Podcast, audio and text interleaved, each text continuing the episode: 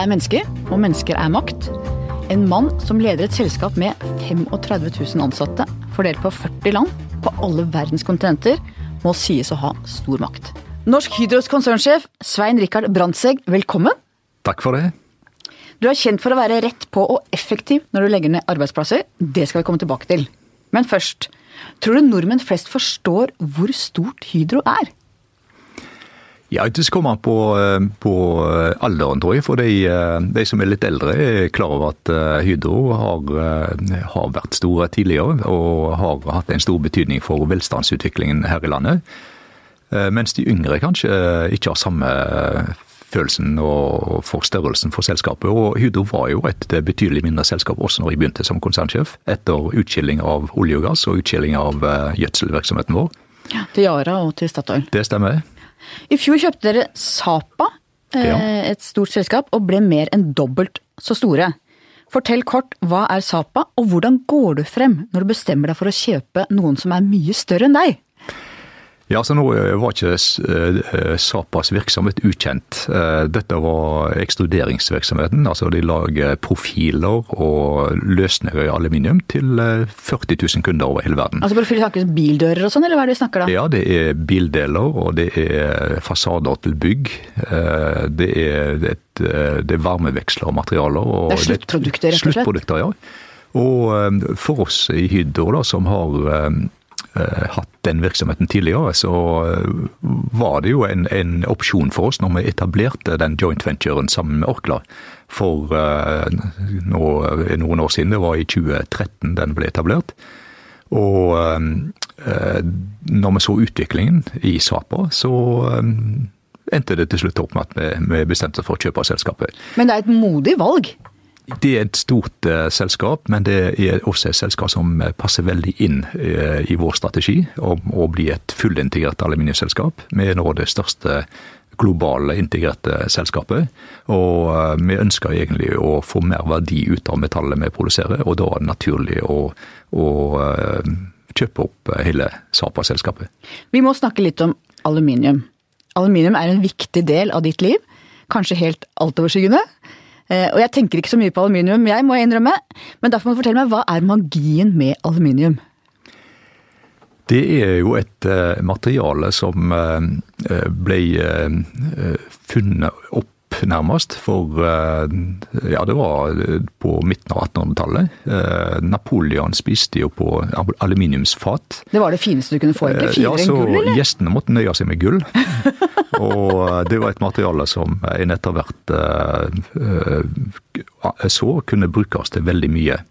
Det er et lett, lettmetall, og uh, i dagens samfunn så er jo uh, det veldig aktuelt i forbindelse med å redusere energiforbruk i bil og transport. Ja, For det blir lettere og krever da mindre uh, energi, mindre brennstoff for å kjøre en lettere bil? Det stemmer, og elektriske biler får lengre rekkevidde når de er lagt av aluminium. Er det like sikkert? Ja, det, gjør, det er faktisk sikrere, fordi at evnen til aluminium å absorbere energi i en kollisjon er betydelig større enn andre materialer. Og, eh, og, så er det jo litt spennende fordi at aluminium har god termisk og elektrisk ledningsevne. Eh, og har veldig an, mange anvendelsesområder. Det er bare helt fantastisk. Det. det er et fantastisk materiale. og Det beskytter seg sjøl eh, med et tynt eller, oksidlag som gjør at det ikke korroderer, blant annet. Så, ikke, det må forklare hva er korroderer. Det, det, det, I likhet f.eks. Hvis, hvis en ser på stål, så har en rustproblematikk. Aluminium beskytter seg eh, sjøl med et nanotjukt lag. Det er evigvarende, rett og slett? Eh, ja, det er evigvarende, samtidig som vi kan resirkulere aluminium uendelig mange ganger. Og da bruker en bare 5 av den opprinnelige energimengden som trengs for å produsere metallet. Og Det gjør at 75% av all aluminium som noen gang er produsert i verden, og da går inn helt tilbake til Napoleon, eh, det er fortsatt i bruk. Eh, vi var, Ledergruppa i VG var på bedriftsbesøk på en av Hydros store fabrikker i Tyskland. og Da fikk vi i avskjedsgave hver vår rull med aluminiumsfolie, som var kjempetung og deilig. Jeg bare kom tilbake til ledergruppa og sa dere må virkelig Jeg brukte det i helga, pakka en steika i den. Det er ja, den mest fantastiske aluminiumsfolien jeg har sett noen gang. Det er jo et, eh, et relativt enkelt eh, produkt. Det er et av de mest avanserte produktene vi lager. Det er en folie som er fem mikrometer tjukk, som leverer til bl.a. Tetrapak. Og hva brukes den til? Det er, brukes til emballasje, fleksibel emballasje. Og da skal aluminiumsfolien være en oksygenbarriere. Og vi leverer den i lengder som er 300 km lang i ett stykke. Dette så vi på denne fabrikken i Tyskland. Ja. Og det bruker man bl.a. på innsiden av juskartonger. Det stemmer. Jeg har lært litt. Det bra. Hydros historie er jo en del av Norges historie. Og la oss ta en liten gjennomgang. Eh, fortell. Dette var nasjonsbygging ja, det, det, og industribygging. Det stemmer. Det, altså det, det, går helt tilbake til 2003. På denne årstida så var Sam Eide i en middag med, med Birkeland. 1903. 1903, ja. Eh, og eh, det var jo en Birkeland som spurte Sam Eide hva holder du på med, og så sier han at han, han er ute etter verdens største lyn. Så Birkeland var jo da fysikkprofessor, ikke sant? Han var og fysikkprofessor. Som er var ingeniør og litt sånn gründer-type? Ja, og, og, reiste rundt i landet og sikra seg uh, fossefall. Fordi at han visste at det kunne brukes til verdiskapning, og elektrisk energi var noe som var veldig aktuelt på den tida som det også er i dag, for så vidt. Eh, Birkeland sa at han kunne gi han den eh, lysbuen som, eh, som Sameide etterspurte. For han ville binde nitrogen i luft til å produsere gjødsel som verden trengte. For Europa var i en situasjon der det var tendenser til sult. Det var ikke nok matproduksjon. Og der kunne Hydro bidra. Så 2. oktober 1905 så etablerte de, 2. desember 1905 så etablerte de Hydro. Og eh, siden det så har Hydro utvikla seg til et selskap som ikke bare var i vannkraft og gjødsel, men også gikk inn i magnesium, i olje og gass, eh, fiskeoppdrett, eh, aluminium selvfølgelig, og petrokjemi og sjokolade til og med. Gullgraving i Sverige holdt en på med en periode. Og etter hvert så fant Hydro ut at nå var det vanskelig å bli verdensmester i alle disse øvelsene her, så nå var det viktig at selskapet konsentrerer seg. Og eh, i 2004 så skilte en ut eh, gjødselvirksomheten i det som nå er Yara. Og i 2007 så slo en olje- og gassvirksomheten sammen med Statoil. Så, som gjorde at Hydro nå er et eh, integrert aluminiumsselskap og fokusert på kraftproduksjon, vannkraft i Norge og, og aluminiumsproduksjon. Tenker du at de to gutta, Eide og Birkeland, er de to største industrientreprenørene i Norge? Ja, det er vanskelig å, å slå det. fordi eh, Hvis en legger sammen de investeringene som de gjorde i eh, Notodden, spesielt på Rjukan, så, så, tilsvarte det omtrent halvannet statsbudsjett på den tida. Det var jo ikke penger nok her i landet til å investere så mye. Eh, Vemork ble jo verdens største vannkraftanlegg når det var sto ferdig. Og eh, det var jo takket være Bank Paribas i Paris og Wallenberg som, og finansieringen derfra som gjorde at Hydro kunne bli såpass stort allerede på det tidspunktet der. Og svensken Markus Wallenberg var vel styreformann i 37 år? Det stemmer. Ja. Um, det forteller jo noe om viktigheten av et åpent sinn, mer enn noe annet, egentlig. Og gode, smarte hoder, da. Ja, og, og høye ambisjoner. Ja, For uh, de tenkte, de tenkte, stort allerede på den tida der. Selv i et lite land så, så gikk det an på den tida. Og uh, det, det er jo imponerende det som, som Sameide greide å få til. Eh, av finansiering, for det var jo veldig lite å vise til her i landet. Eh, men han bygde jo en flott bolig da på Notodden som fortsatt er et av gjestehusene våre, og som er ganske imponerende. Tenker på at det ble bygd opp i 1907. Hvem bor der nå, eller er det museum, eller hva er det? Ja, Dette er et, eh, et gjesthus som Hydro bruker til forskjellige anledninger. Det er ingen som bor der fast. Kunne du fått bo der hvis du ville? Nei, det, det, tror jeg ikke jeg ville gjort heller. Det, jeg ville vært tettere på mine, mine, medarbeidere enn som så. Men eh, det er et imponerende hus med inspirasjon fra Heddal stavkirke, og eh, det er et, en flott beliggenhet. Så til din historie. Du vokste opp i et kristent hjem på Karmøy er det vi vel må kunne kalle bedehusbeltet på Vestlandet? Ja, altså egentlig er jeg født i Haugesund, ja. Eh, men de, eh, foreldrene mine flytta da til Karmøy kommune da jeg gikk i andre klasse på folkeskolen. Og, eh, og, det var jo Vi flytta faktisk ganske langt på landet på den tida der. Så det var veldig lite å finne på i nærmiljøet, så vi måtte Kjedelig. finne på ting sjøl. De var jo aktive i menighetsarbeid mor og faren din? Ja, de, de, var aktive. Og jeg hadde jo en far, farfar som var enda mer aktiv. Jeg vokste jo bokstavelig talt opp i, når jeg var veldig liten, opp i butikken til, til min farfar. Vi bodde i annen etasjen, og han hadde butikk i første etasjen. Hjalp du til noe der nede, eller? Jeg var med fra jeg kunne gå omtrent, og var sammen med min farfar på den tida. Han, han var ganske streng eh, kristen og, og hadde eh, klare regler. Blant annet så likte han ikke at noen plystra. Oi, var det syndig? Det var ikke bra. Og dessuten så fikk vi ikke lov til å ha terninger og kortspill. Oi, oi, oi. Men vi ble veldig gode på pinnespill. Det var tillatt. Man finner alltid en vei. Så, det, det, sier jo litt om, uh, om, hvor strengt det var på den tida, men han var jo en veldig god farfar, da. Det var han. Kanskje, kanskje snillere farfar enn far? Sånn er det vel gjerne? Besteforeldre ja, blir mildere i gruppa? Det kan jeg si, men han, eh, jeg tror han var en god far òg. Men han, eh, han, hadde jo en veldig tøff oppvekst. Han mista jo sin mor da han var seks år gammel og ble satt vekk til en, bondegård. Det var jo faren, foreldrene hans var også bønder. og og når mora døde, så ble han satt vekk til en gård som lå på andre sida av fjorden. Dette var nord i Nord-Trøndelag. Men han kunne se over på faren sin gård. Og han lengta så mye at en dag så tok han og tjuvlånte en båt og rodde over fjorden.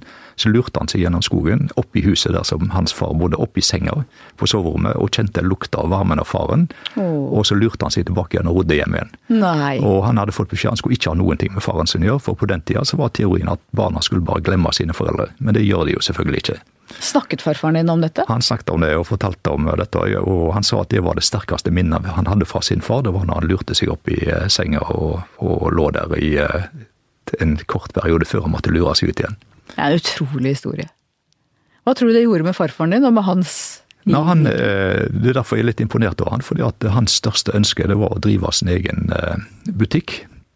Og For å gjøre det så, så måtte han til utdannelse, så han reiste da fra Nord-Trøndelag til Trondheim og tok økonomiutdannelse. og ble da regnskapsfører i et rederi i Haugesund under, under første verdenskrig. Og når krigen var slutt, så hadde han gjort det så bra at han fikk en bonus.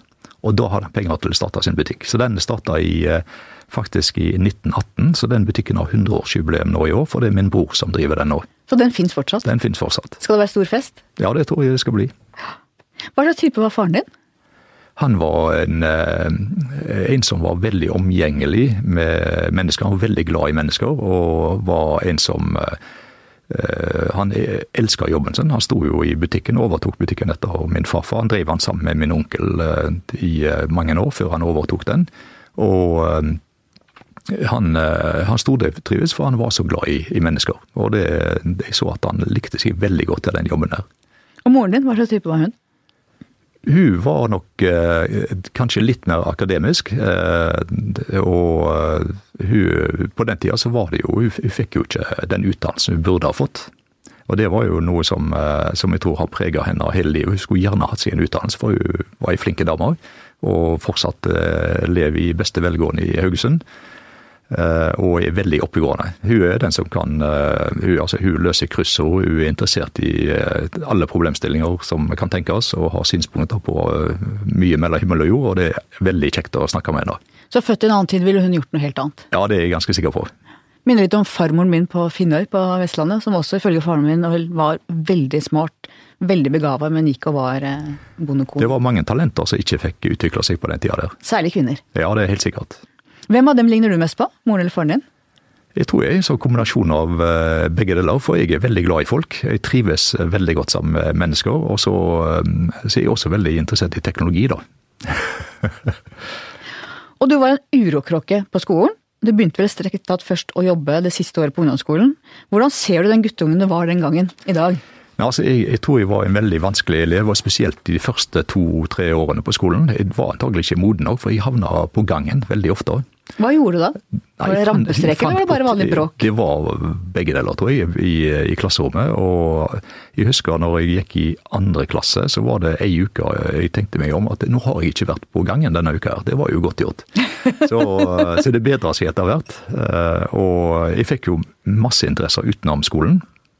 Og eh, var eh, i uh, musikkorpset, og jeg uh, fikk min første motorsykkel når jeg var 13 år og skrudde på den. Vi bodde jo ganske avsides på den tida der, og det gjorde at jeg kunne kjøre motorsykkel rundt huset vårt og lagde ei løype, så jeg hadde veldig tålmodige naboer.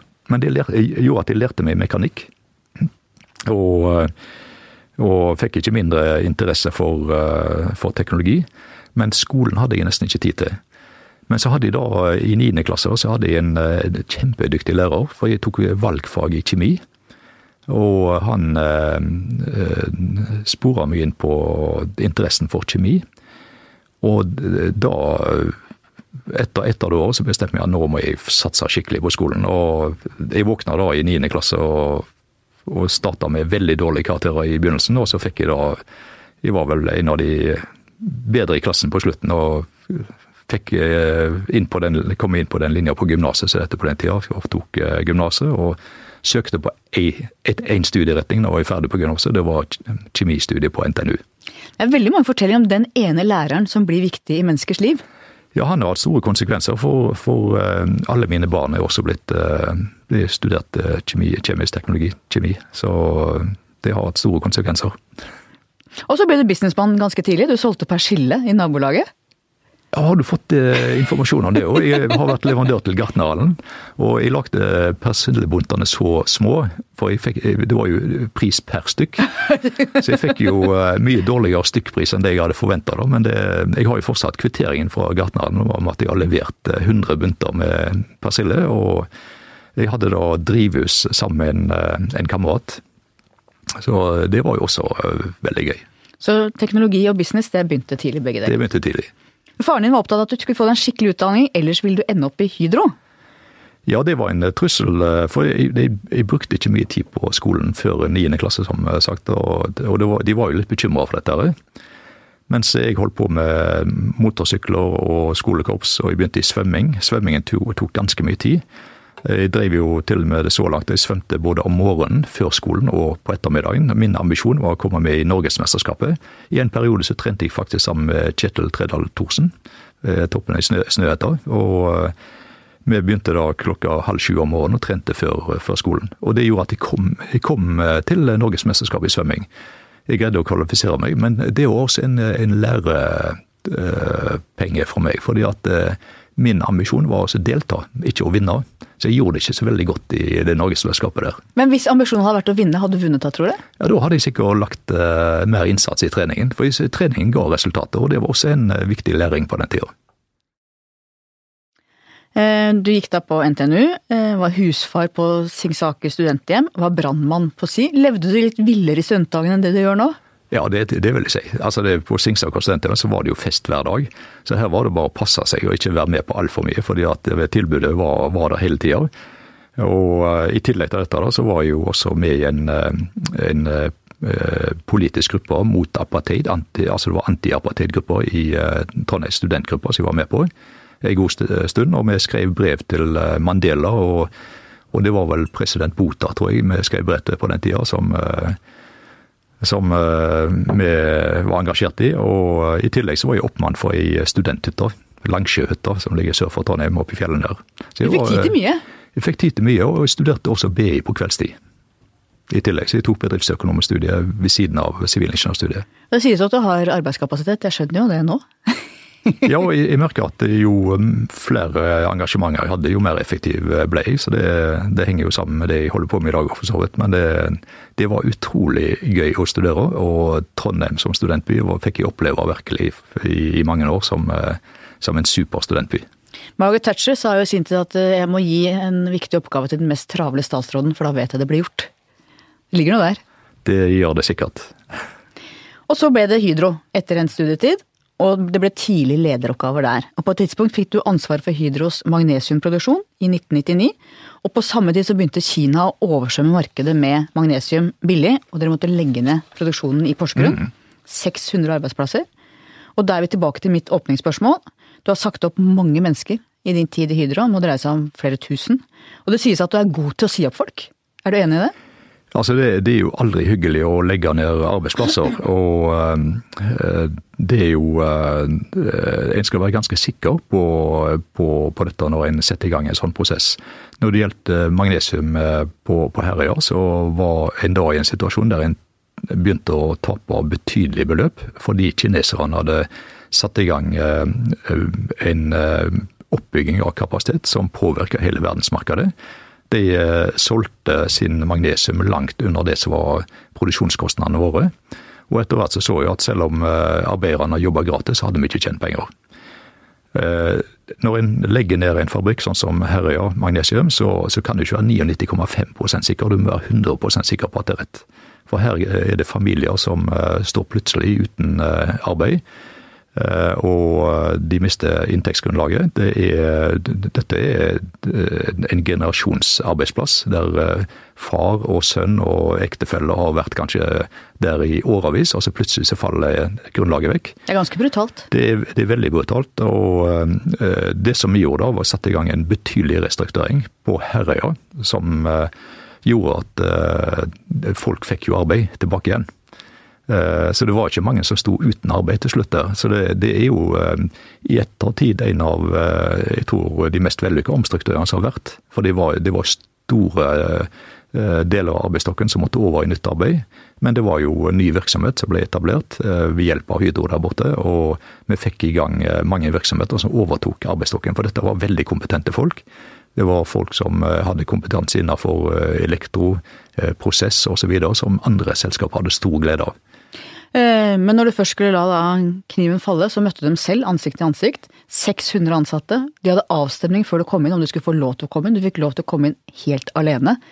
Fortell, det må ha vært ganske heftig? Det, det, var ganske heftig. Det var jo, jeg var også på Folkets hus i, uh, i Porsgrunn, der de hadde avstemning på Folkets hus om jeg, for første om, om jeg kunne få ha med meg, for jeg ba om å få med meg et par som kunne forklare uh, regnestykkene bak. Og passe på det kanskje litt? Ja, det, jeg tenkte også på det. Uh, men det var, det, det var, nei på den avstemningen. Og så var det avstemning om jeg skulle få komme inn, og det var det ja. Så jeg sto der alene og tenkte hvor er nødutgangen her, hvis uh, ting går ut av kontroll. Og, men det, det, altså jeg følte meg ganske trygg i at både altså ansatte, fagforeningsledere de oppførte seg jo skikkelig også i en sånn situasjon. Men, og de opplever at det var en respekt i at du faktisk møtte dem ansikt til ansikt òg? Jeg tror det var også viktig. Eh, det samme skjedde jo i eh, noen eh, år etterpå i Becancour, i vår magnesiumfabrikk der, for da måtte de også stenge den. I Canada? I Canada. Det var den mest moderne magnesiumfabrikken i verden. Og der gikk det rykter om at de hadde våpen? Der var det rykter om våpen, og da sa jeg at jeg skal gi beskjed at jeg har tatt en beslutning om å stenge den fabrikken, og at jeg har fått støtte for dette i styret. Jeg kan ikke reise til Bekancour og si at det er noen i Oslo som har bestemt dette. De må få se hvem som har tatt den beslutningen. Og da sa de at dette, da må du ha skuddsikker vest. Nei, det, det vil jeg ikke ha, sa jeg. Jeg stoler på folk. Men da stilte de opp med eh, noen sivilkledde politi som hadde skuddsikker vest, som skulle kaste seg over meg hvis det var noen som eh, dro opp et våpen. Men det, også der gikk det veldig greit.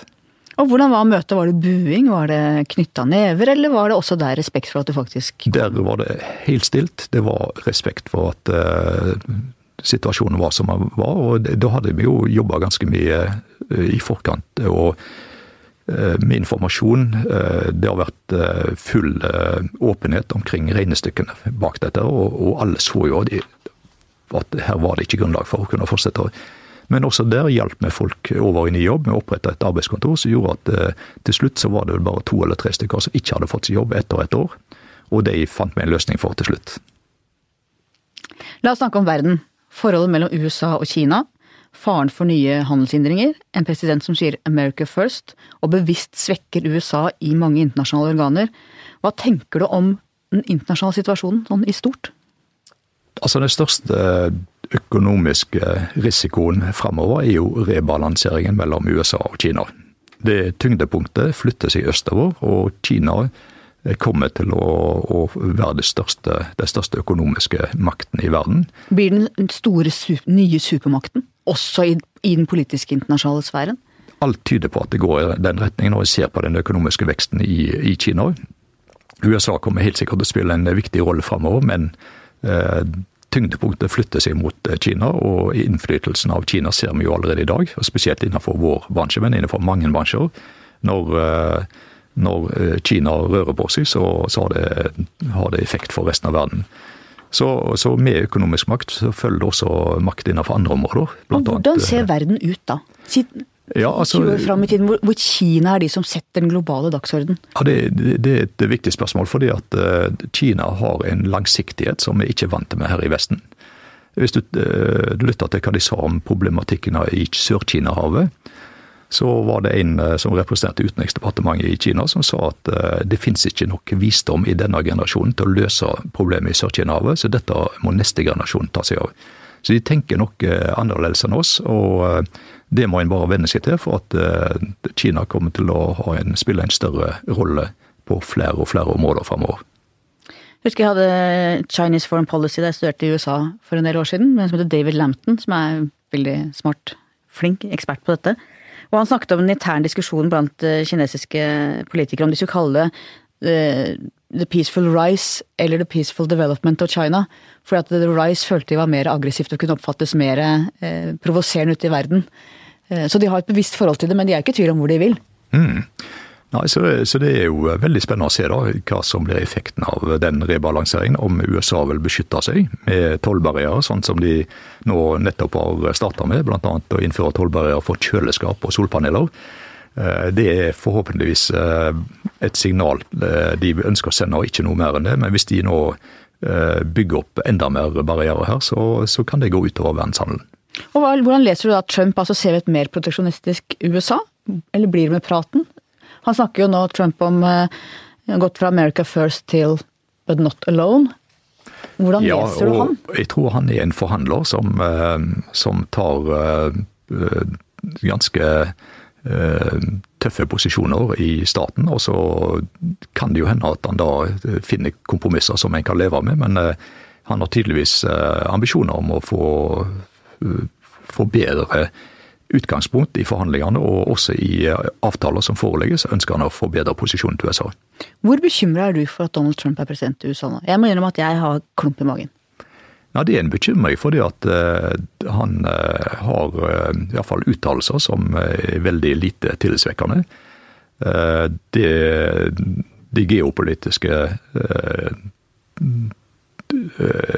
usikkerhetene er jo blitt større med Trump enn uten Trump. og og vi vet jo at eh, det er konflikter i Midtøsten med Nord-Korea, eh, spesielt da, som han har eh, uttalt seg om, som ikke er noe særlig fredsdempende. Og han har en aggressivitet i sin uttalelse som er, bekymringsfull.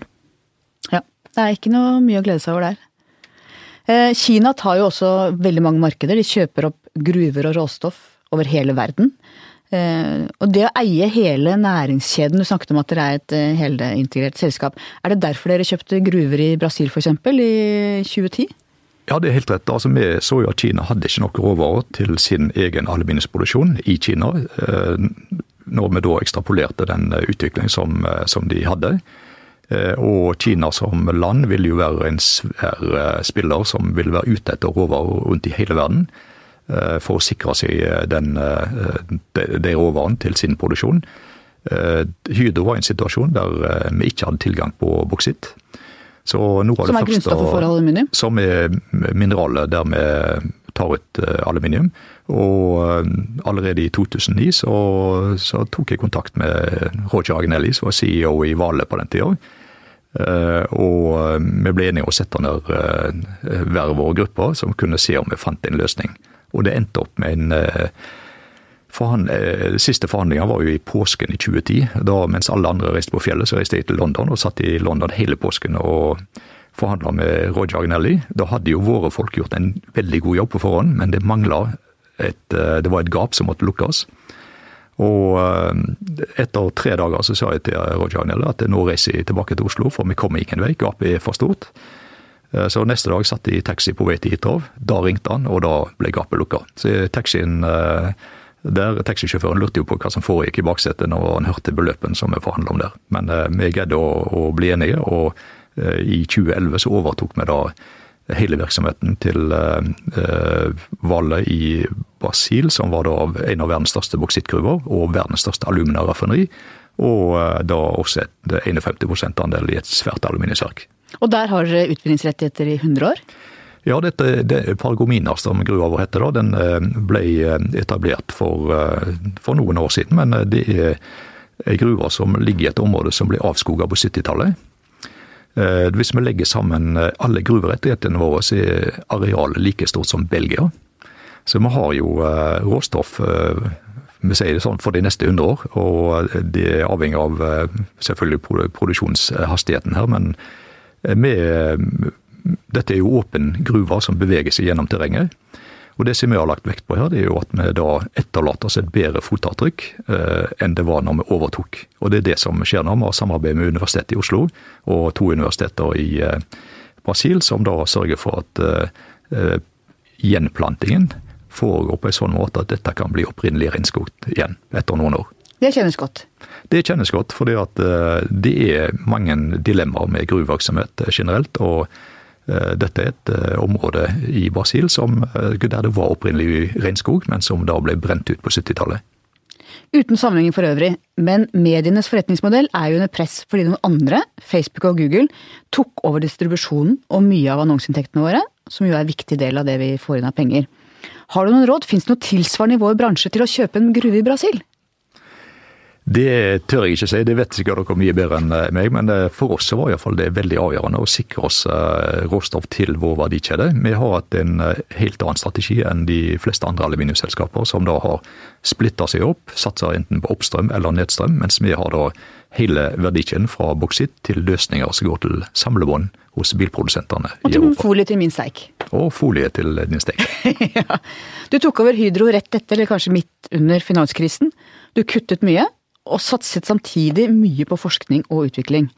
I ledergruppa i VG snakker vi mye om gass og brems samtidig. Om å satse på noe og kutte andre steder. Og det er krevende. Hvordan tenker du rundt dette med gass og brems? Ja, vi, vi, måtte kutte dramatisk fordi at eh, vi tapte rent ut de tre første kvartalene når jeg overtok, så tapte vi 7 millioner kroner hver dag. I snitt. På det meste så tapte vi nok mer enn det. Eh, og eh, kuttene våre de starta med et såkalt 100-dollarsprogram eh, for våre primære aluminiumsverk. Så oppdaga vi ganske fort at det var faktisk ikke nok. Vi måtte kutte 300 dollar per tonn. Ingen visste hvordan vi skulle greie det. og Hvor mye koster et tonn? Altså, hva, hva, er det i prosentpris? Var, da var pri, prisen når jeg overtok var jo på ca. 1200-1300 dollar per tonn. Aksjekursen til Hydro var 24 kroner. Hydro var verdt ca. 29 milliarder kroner når jeg overtok. Og hvor mye har det vært i dag? Ca. 130 milliarder. Eh, og eh, vi måtte ta eh, bemanningskutt. Vi kutta på bruk av konsulenter. Vi kutta på alt som var, bortsett fra én ting, og det var forskning og utvikling. Og det har kanskje sammenligning med min bakgrunn som doktoringeniør for NTNU, for jeg vet at det er så viktig for oss å benytte en sånn anledning for å skaffe oss teknologisk ledelse. for det er ikke bare eh, kostnaden som teller eh, og antall hoder, men det er, det er kompetanse og, og, det er eh, teknologi som gjør at vi har fått den stilling som vi, vi har i dag. Ja, du må framover? Det, vi må framover. Vi må være, hvis vi skal være lederen på aluminium, så må du være lederen på kompetanse. Våre operatører i dag de driver våre aluminiumsverk mye mer effektive enn noen av våre konkurrenter. Vi har de beste operatørene i verden, og det er takket være satsingen på kompetanse og teknologi. Vannkraften er jo selve utgangspunktet som vi snakka om for Norsk Hydro. Hvor viktig er kraftprisen i dag? Den er veldig viktig. fordi at Hvis vi legger sammen eh, kraftkostnadene i hele verdikjeden vår, eh, så utgjør det 50% av alle kostnadene. Så uten eh, en konkurransedyktig kraftpris, så vil ikke vi kunne være konkurransedyktige i, aluminiumsverdenen. Og der driver det mye lobbying i forhold til myndigheter og Vi har forklart situasjoner. Hvis vi skal satse i Norge, så er det viktig at vi har konkurransedyktig kraft. Vi har ikke bedt om noe subsidie eller støtte i den forstand, men det er vist, vist klart regnestykkene, hvordan dette ligger an. Og det som har vært positivt uh, over lang tid, at uh, politikerne har jo, har jo forstått dette. Så ser vi at politikken virker. Uh, og det har gjort at vi i Norge nå har en betydelig bedre konkurransedyktighet. Det gjelder rammebetingelsene våre som har blitt bedre, men også det at vi er blitt mye mer kostnadseffektive, som har gjort hjemmeleksa sjøl. Eh, hva med fornybar energi, som øker kraftig mange steder i verden? Vil det svekke vårt konkurransefortrinn, som jo er vannbåren kraft, og egentlig true produksjonen og dermed arbeidsplasser i Norge? Nei, jeg vil si tvert imot. Altså, vi har jo kunder nå som er eh, ikke bare opptatt av å få lettvekts aluminium, men de vil ha aluminium basert på fornybar energi. Og når vi nå starter teknologipiloten på Karmøy, eh, så er det, er det, er den kobla opp mot vindkraft på Fosen. Eh, som da balanseres med vannkraft. Så kombinasjonen med vind og vann i Norge er jo en fantastisk kombinasjon. det er rent uansett? Det er rent uansett. Og så er det da uregulert eh, kraftproduksjon fra vind. Det er veldig godt å kombinere med regulerbar vannkraftproduksjon. Vi står midt i en teknologisk transformasjon, digitalisering, automatisering, færre og andre arbeidsoppgaver, færre folk, og ikke lenger den klassiske industriarbeideren. Hvordan ser du for deg framtidas arbeidsliv?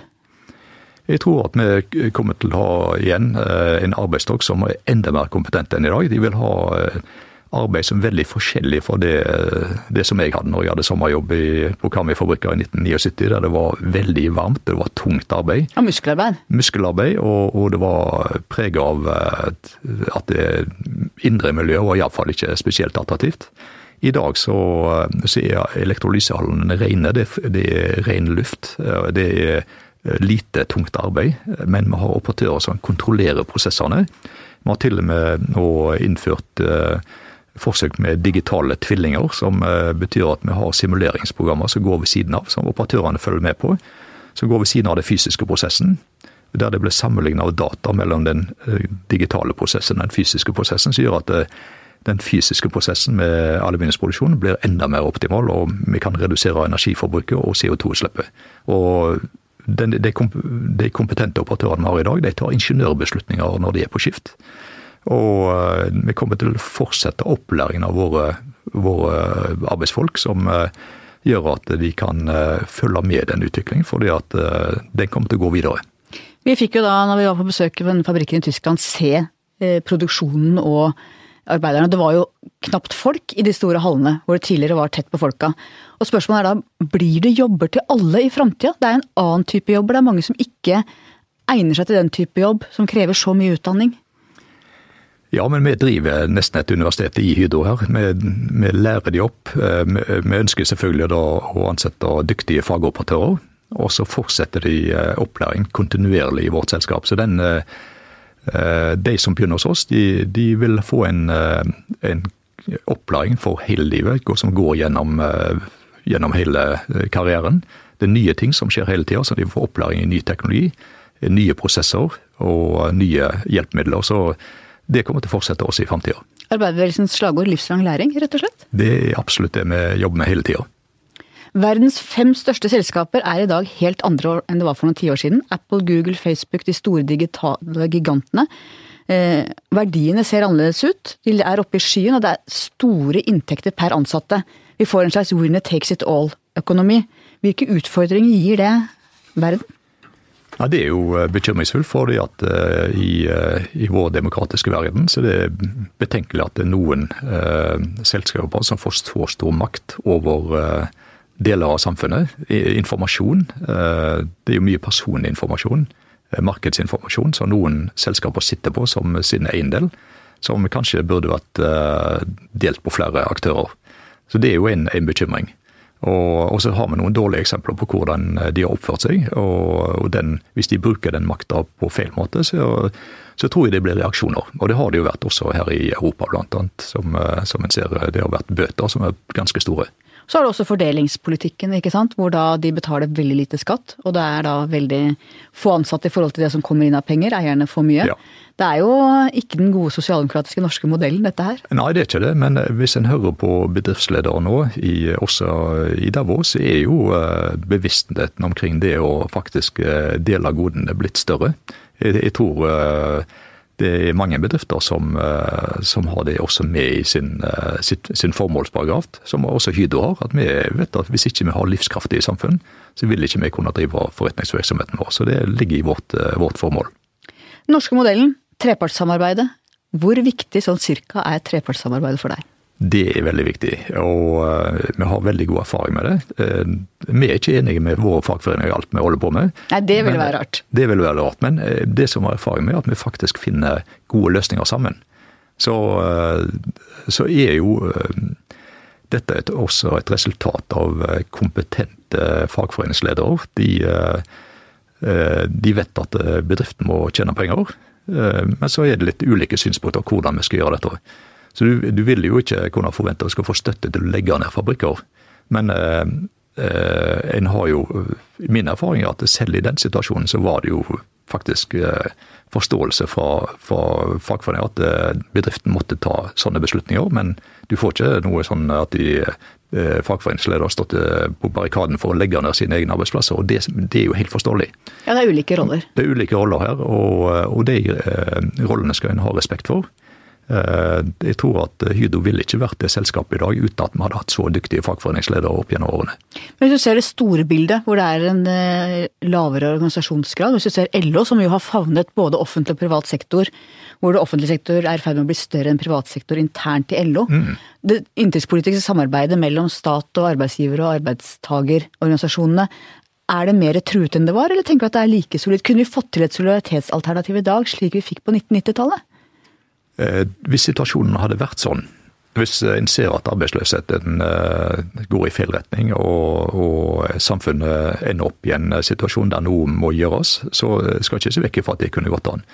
Eh, akkurat i dag så er det vel ikke fullt så eh, realistisk alternativ, fordi at situasjonen er ikke fullt så gale som det var på den tida. Men eh, jeg tror at partene i arbeidslivet ville vært innstilte på å ta et tak på nytt igjen. Ta et kollektivt ansvar for en alvorlig situasjon. For det er, det er ikke bra for bedriftene, det er ikke bra for samfunnet, og selvfølgelig ikke for de ansatte at en skal ende opp på den måten. Så jeg må jo passe på da, at vi har en politikk som gjør at en unngår, unngår å ende opp i en sånn krise. Arbeidslivet, der er det også blitt stadig flere konsulenter. Fortell om ditt forhold til konsulenter. Ja, det er, det er ikke spesielt varmt, for å si det på den måten. Jeg mener vi skal ha kompetanse til å løse våre egne problemer sjøl. Jeg, eh, når jeg kom tilbake fra Brussel som leder for Hydro Magnesium til Oslo, så så jeg at uh, den organisasjonen som jeg overtok, de brukte jo altfor mye konsulenter. Og jeg svarer at hvis jeg ser en konsulent eh, etter så jeg har satt en dato, hvis jeg ser en konsulent etter det, så kommer jeg til å hive det ut gjennom vinduet. Fordi at jeg, Da var jeg relativt eh, sint, for det var, vi brukte titalls millioner kroner på ting som vi egentlig burde gjort sjøl. Og Hva er det viktigste argumentet mot konsulentene, annet enn kostnadene? Det viktigste er faktisk at vi har arbeidsfolk som eh, jobber knallhardt på våre fabrikker, dag og natt. Og da kan vi ikke sitte på et hovedkontor og late som at, at vi har veldig høye stillinger, men så er det andre folk som gjør jobben vår. Så vi må ta ansvar for å gjøre jobben sjøl.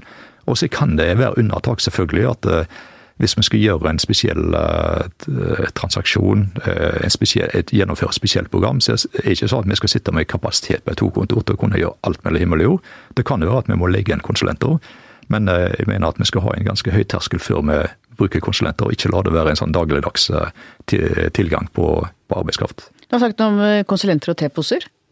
Ja, det har jeg også sagt. Jeg syns at konsulenter skal brukes som teposer. Så fort inn og fort ut igjen. Og ikke la de få etablere seg med faste, eh, faste prosesser, faste prosjekter. Vi må bare definere det veldig klart, sånn at de kan komme seg fort ut etter en, en gjennomgang. Og ditt forhold til powerpoints?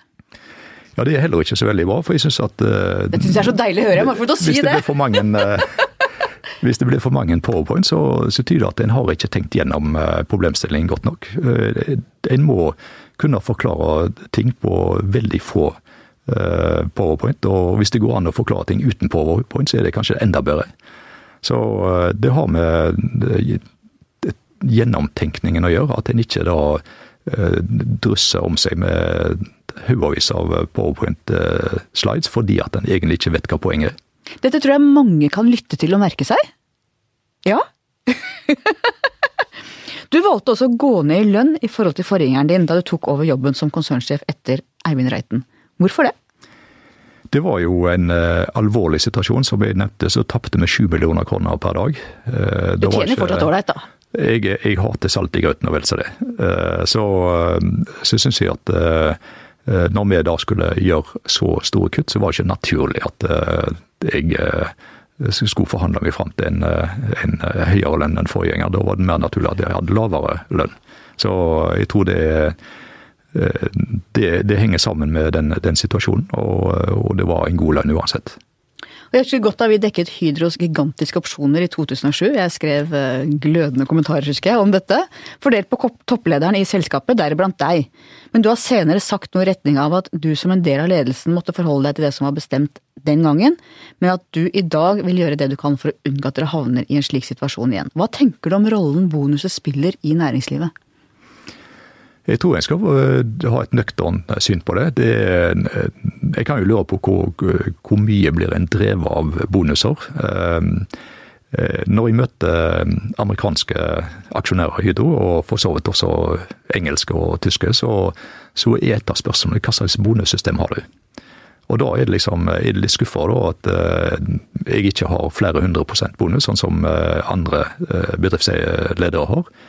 Det norske systemet tror jeg faktisk er, mye mer nøkternt, og tilpasser den norske modellen i mye større grad enn systemer i utlandet der en kan tjene flere årslønner på bonuser. Så Jeg tror det er viktig at vi har et nøkternt forhold til det, og jeg er ikke noe tilhenger at vi skal liksom sette i gang med noe sånn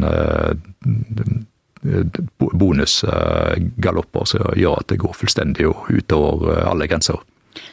Vil ikke ledere og folk gjøre sitt beste uansett og uavhengig av en bonus, og kan ikke bonuser også føre til at du får en veldig kortsiktighet?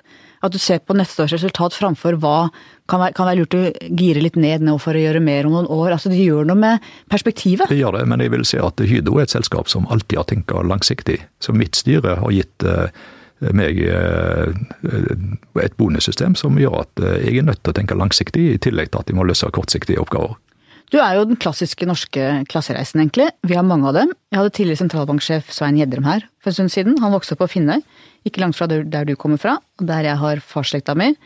Han er sønn av meieribestyreren på Finnøy, eh, og er da en som kommer fra bygda og en vanlig familie og tar høyere utdanning. Hva forteller slike historier om Norge? Nei, det, jeg, tror det er veldig bra at uh, folk som sitter i lederstillinger har beina på bakken. En må ikke glemme den døra en gikk ut av. Uh, en må huske på hvor en kommer fra. Jeg uh, tenker veldig mye på de som, som jeg står på skuldrene av. mine forfedre som hadde det knalltøft. Jeg har bilde av min oldefar og min oldemor på veggen hjemme i gullrammer. Det bildet ble tatt på 1880-tallet. Min oldefar døde da min farmor var tre måneder gammel. Eh, han var los. Det var jo livsfarlig arbeid på den tida der. Døde han på sjøen, eller? Han, eh, han døde av tæring, som de sa på den tida. Men eh, det var så høy dødsrate blant losene at de hadde til og med et eget pensjonssystem. Og det berga da min oldemor, som oppdro ni barn alene. Så hvis en bare tenker et par generasjoner tilbake, så, så husker jeg på at det var noen som sleit atskillig mer enn oss. Vi har det fantastisk godt i det norske samfunnet. og og jeg tror også som konsernsjefer skal også være klar at det, det finnes eh, folk eh, ute i vår organisasjon som også sliter tungt. Som ikke har det så bra som oss. Som har eh, et utgangspunkt som kanskje ikke var så bra som det vi hadde, men som, som er også er avhengig av at kan ha et godt arbeid og et godt liv i Hydro. Og Hvordan ser du det Norge du vokste opp i, sammenlignet med det Norge barnebarna dine vokser opp i i dag? Det, jo, det har jo vært en jevn stigning i, i velstand. Og du kan lure på, er vi nå på et sånn eh, maksimum i, i velstand? Går det virkelig an å, å fortsette den utviklingen her? Eh, det er jo nå nå spørsmålet om bærekraft. Kan samfunnet fortsette å forbruke stadig mer av jordens ressurser, samtidig som vi forurenser mer og mer? Jeg tror det våre barn og våre barnebarn kommer til å være enda mer kritiske mot dette. Og Vi ser jo allerede på på mine barn hvor, hvor mye mer kritisk de er til, til det vår generasjon og det forrige generasjon har gjort. Og jeg er sikker på at når mine barnebarn blir større, nå er de to år gamle begge to, og de kommer nok til å også stille spørsmål til hva i all verden er det vi har holdt på med i vår levetid. Så hva må vi passe på, og hva kan vi glede oss over? Jeg, jeg tror det er snakk om å, å finne den rette balansen. Eh, vi, kan glede oss over at, eh, og vi er jo veldig heldige som bor her i landet, som, som har et veldig godt utgangspunkt til å få en, eh, en bedre balanse. det er den store lottogevinsten å være født i Norge. Det, det er det. Også liksom Når man da ser at til og med vindkraft er veldig god kombinasjon med vannkraft, som er da naturressurser. Som gjør at vi faktisk kan satse bl.a. på aluminiumsproduksjon her i Norge. Som gjør at Hydro har det laveste karbonfotavtrykket i verden og som eh, produserer et eh, metall som verden skal ha. Så vi ønsker å bidra til, til verdiskapning her i landet. Vi satser videre for fullt i Norge. Og det er også et privilegium i en situasjon der det ikke var fullt så enkelt for noen år siden. Eh, vi har jo perspektivmeldingen, vi har trygdeutgifter. Nav kom nylig med en ny beregning av fremtidige pensjoner og kostnader rundt det. Eh, folk må i arbeid. Hva tenker du om offentlig pengebruk, om ansvaret vi har for å sikre, sikre velferdssamfunnet også for de som kommer etter oss? Nei, det, det, er et stort ansvar, og, eh, og igjen så, så, tror jeg at eh, næringslivet må, må, bidra her. Jeg er så privilegert at jeg sitter også som styreleder over NTNU. Og visjonen til NTNU det er kunnskap for en bedre verden. Og jeg tror at kunnskap er også nøkkelen for oss å sikre velferden fremover. Bruker for mye penger da? Ja, jeg, jeg, tror at vi kanskje må bruke pengene annerledes. Men jeg tror at skal, skal Norge beholde eh, velferdsnivået her, så, så det trengs det ny kunnskap. Eh, og kunnskap som, eh, som er bærekraftig. Vi hadde en debatt i høst om norske verdier. Hva ser du som norske verdier? For meg så er det, er det integritet, det er ansvar og bærekraft. Hvordan ser du religionens plass i det norske samfunnet? Jeg tror det er viktig at vi er åpne for, for dette, og ikke, ikke har, iallfall blander for mye politikk med religion.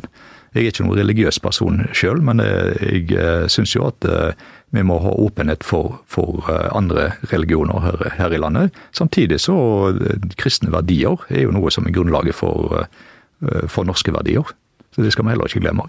Og Du vokste opp i et kristent miljø. Brøt du med det på et tidspunkt, eller har du bare liksom forlatt troen sånn langsomt, eller?